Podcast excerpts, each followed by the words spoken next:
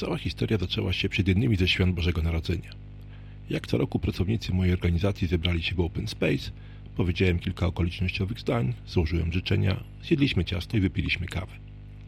Kiedy wracaliśmy już do normalnych zajęć, podeszła do mnie jedna z pracownic i powiedziała, że jest bardzo rozczarowana tonem mojego wystąpienia, moim lekceważącym stosunkiem do religii i samego święta. Trochę mnie zamurowało, bo moje wystąpienie nie było ani na jotę religijne, a już z pewnością nie miało żadnego podtekstu lekceważenia czegokolwiek. Odpowiedziałem zatem, że absolutnie nie miałem takich intencji i przykro mi, że tak to odebrała. Ale ten pozornie drobny incydent miał nieoczekiwanie poważne konsekwencje.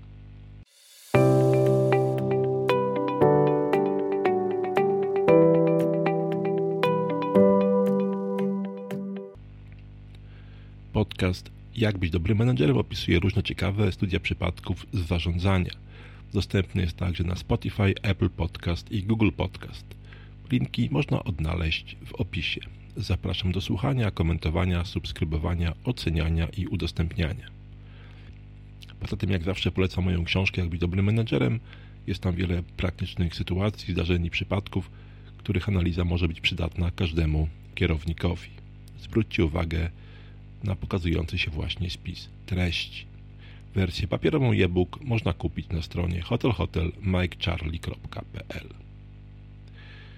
Kilka dni po tym, jak jedna z pracownic wyraziła swoje niezadowolenie z mojego bożonarodzeniowego wystąpienia, zadzwonił do mnie szef i powiedział, że w związku z tym wpłynęła na mnie oficjalna skarga. Same zarzuty były bardzo ogólne. Naruszenie uczuć religijnych tej pracownicy było dość niejasne i nie zawierało wskazania jakichś konkretnych sformułowań. Raczej odnosiło się do negatywnej opinii, czy też oceny moich domniemanych złych intencji. Problem jednak wcale nie leżał w treści. Otóż koncern, w którym pracowałem, zarządzany był wówczas przez przedstawicieli kraju będącego w awangardzie europejskiego trendu poprawności politycznej. Jakiekolwiek incydenty wynikające z dowolnych konfiguracji światopoglądowych były bardzo niemile widziane, monitorowane i zazwyczaj starano się je szybko eliminować. I jak to niestety bywa w takich przypadkach, nie liczyła się jakaś racjonalna ocena zasadności samej skargi, ale sam fakt jej wpłynięcia. Mój szef, który był dość rozsądnym facetem, doskonale rozumiał powagę całej sytuacji. Razem z przedstawicielami Heru przeprowadzili szybko rozmowę z niezadowoloną pracownicą i zaproponowali akcję w postaci nadzoru moich ewentualnych przyszłych wystąpień tego typu.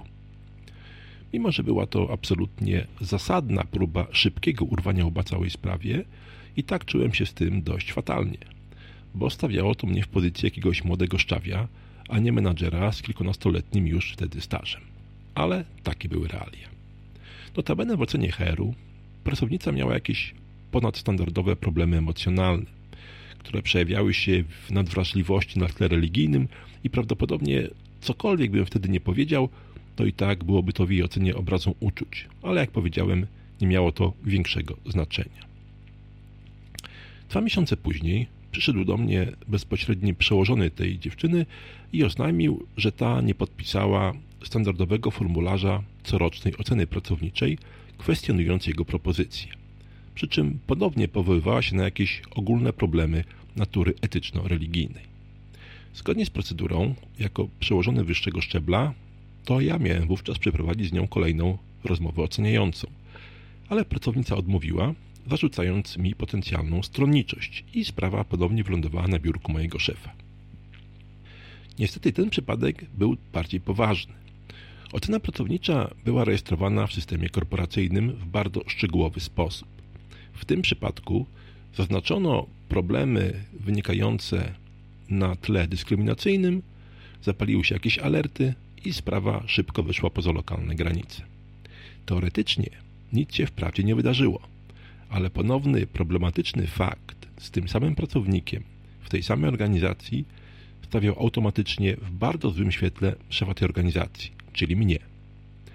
Technicznie problem rozwiązaliśmy wkrótce w dość typowy dla korporacji sposób. Otóż pracownicy tej zaproponowaliśmy poprowadzenie małego, samodzielnego projektu, tworząc dla niej nowe stanowisko z oczywiście lepszym wynagrodzeniem. Zgodziła się chętnie, ale po trzech miesiącach projekt niestety został zamknięty, stanowisko musiało ulec likwidacji, no i nasza bohaterka znalazła się na lodzie. Ale nie przyjęła tego jakoś strasznie tragicznie, podpisaliśmy porozumienie stron i rozstaliśmy się we względnej zgodzie. Rok później sam chciałem objąć inne interesujące stanowisko w obrębie koncernu, miałem świetne opinie od przełożonych, pomyślnie przeszedłem rozmowy kwalifikacyjne, ale finalnie do transferu nie doszło. Jak się nieoficjalnie dowiedziałem, ciągnęło się już za mną echo poprzednich wydarzeń. Niestety życie korporacyjne dla menedżerów jest często dżunglą, w której nie tylko nie do końca jest się panem własnego losu, ale także ten los determinowany jest regułami, które mogą być niejasne lub nawet nigdy formalnie niewypowiedziane. I w zasadzie nie ma dobrej metody walki czy przeciwdziałania takiemu obrotowi rzeczy. Trochę jak w rzeczywistości Józefa K. z powieści Proces Franca Kawki. Zapraszam do komentowania tego podcastu. Jestem ciekaw Waszych opinii, spostrzeżeń czy też ocen funkcjonowania w korporacyjnej rzeczywistości menedżerskiej. Polecam moją książkę Jak być dobrym menedżerem, gdzie można znaleźć wiele praktycznych wskazówek, również dotyczących poruszania się w labiryntach wielkich firm. Zapraszam na następne odcinki.